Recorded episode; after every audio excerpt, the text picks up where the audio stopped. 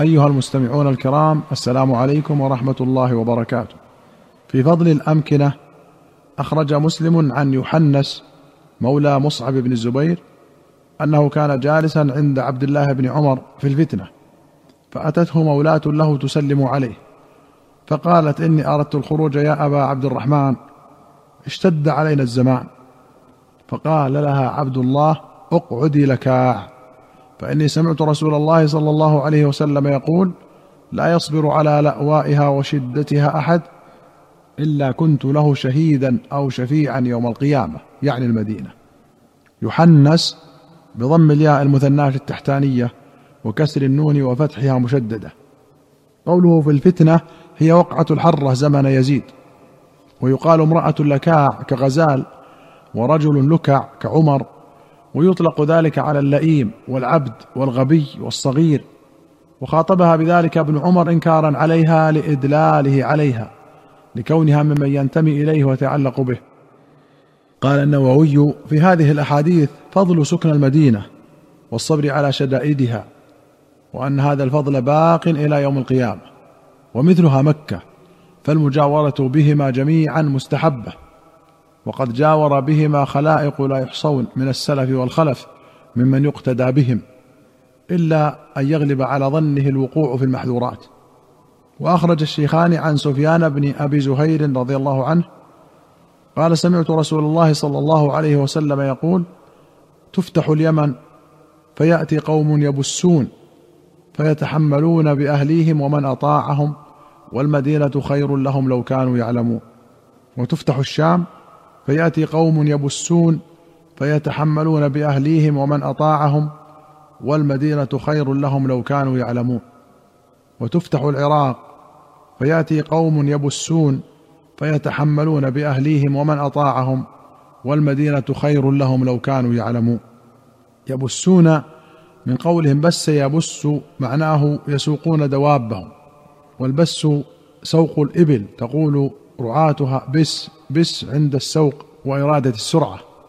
وأخرج مسلم عن أبي هريرة رضي الله عنه أن رسول الله صلى الله عليه وسلم قال لا يصبر على لأواء المدينة وشدتها أحد من أمتي إلا كنت له شفيعا يوم القيامة أو شهيدا. وفي رواية أن النبي صلى الله عليه وسلم قال سيأتي على الناس زمان يدعو الرجل قريبه وابن عمه هلم إلى الرخاء هلم إلى الرخاء. والمدينة خير لهم لو كانوا يعلمون.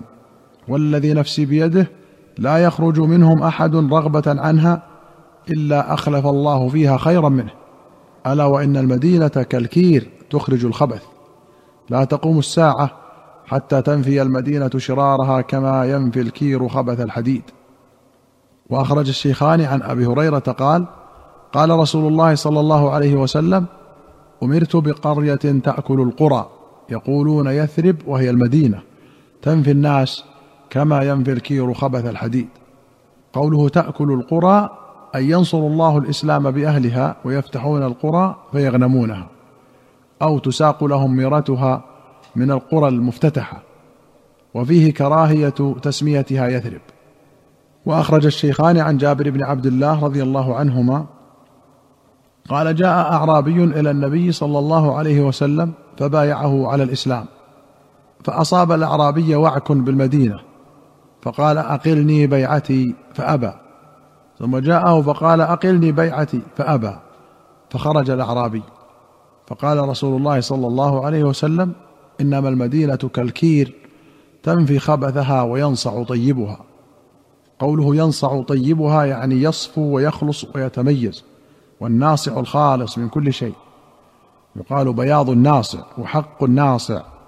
أي واضح بين وأخرج مسلم عن زيد بن ثابت رضي الله عنه أن رسول الله صلى الله عليه وسلم قال إنها طيبة يعني المدينة وإنها تنفي الخبث كما تنفي النار خبث الفضة. وفي رواية عن جابر بن سمرة قال سمعت رسول الله صلى الله عليه وسلم يقول إن الله تعالى سمى المدينة طابة. قوله طابة وطيبة من الطيب وهو الرائحة الحسنة. والطاب والطيب لغتان. وقيل من الطيب بتشديد الياء وهو الطاهر لطهارتها. وقيل من طيب العيش بها. وأخرج الشيخان عن أبي هريرة رضي الله عنه أن رسول الله صلى الله عليه وسلم قال على أنقاب المدينة ملائكة لا يدخلها الطاعون ولا الدجال. وللبخاري عن أنس أن النبي صلى الله عليه وسلم قال المدينة يأتيها الدجال فيجد الملائكة يحرسونها فلا يقربها الدجال ولا الطاعون إن شاء الله. وأخرج البخاري عن أبي بكرة نفيع بن الحارث الثقفي رضي الله عنه أن رسول الله صلى الله عليه وسلم قال لا يدخل المدينة رعب المسيح الدجال لها يومئذ سبعة أبواب. على كل باب ملكان. الرعب المنفي هنا هو الخوف والفزع فلا يحصل لأحد فيها رعب بسبب نزوله قريبا منها. ولا يعارضه ما سيأتي في أشراط الساعة من حديث أنس أنه ينزل السبخه ثم ترجف المدينة بأهلها ثلاث رجفات فيخرج إليه كل كافر ومنافق. بل ذلك مصداق أنها تنفي خبثها. حرسها الله بالإسلام وسائر أوطان المسلمين. وأخرج الشيخان رحمهما الله عن ابن عمر رضي الله عنهما أن رسول الله صلى الله عليه وسلم أناخ بالبطحاء التي بذي الحليفة فصلى بها وكان ابن عمر يفعل ذلك. وفي رواية أن النبي صلى الله عليه وسلم أتي وهو في معرسه من ذي الحليفة ببطن الوادي فقيل له إنك ببطحاء مباركة. وللبخاري أن رسول الله صلى الله عليه وسلم كان إذا خرج إلى مكة صلى في مسجد الشجرة وإذا رجع صلى بذي الحليفة ببطن الوادي وبات بها. قال ياقوت الحموي ذو الحليفة قرية بينها وبين المدينة ستة أميال أو سبعة ومنها ميقات أهل المدينة والمعرس موضع التعريس وهو النزول الاستراحه لغير إقامة وأكثر ما يكون في آخر الليل. وأخرج البخاري عن عمر بن الخطاب رضي الله عنه قال سمعت رسول الله صلى الله عليه وسلم وهو بالعقيق يقول أتاني الليلة آت من ربي. فقال صل في هذا الوادي المبارك وقل عمرة في حجة وفي رواية وقل عمرة وحجة. العقيق كل واد شقه السيل ووسعه. وقال ياقوت الحموي العقيق الذي جاء فيه إنك بواد مبارك هو الذي ببطن وادي ذي الحليفة وهو محل أهل العراق من ذات عرق. وأخرج مسلم عن أبي هريرة أن رسول الله صلى الله عليه وسلم قال سيحان وجيحان والفرات والنيل كل من أنهار الجنة.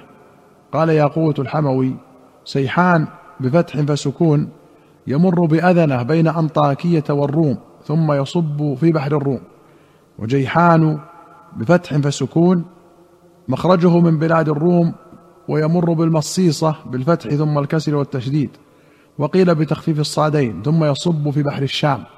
وقال النووي هما نهران عظيمان جدا في بلاد الأرمن أكبرهما جيحان وهما باتفاق غير سيحون وجيحون اللذين وراء خراسان. أيها المستمعون الكرام إلى هنا نأتي إلى نهاية هذه الحلقة. حتى نلقاكم في حلقة قادمة إن شاء الله. نستودعكم الله. والسلام عليكم ورحمة الله وبركاته.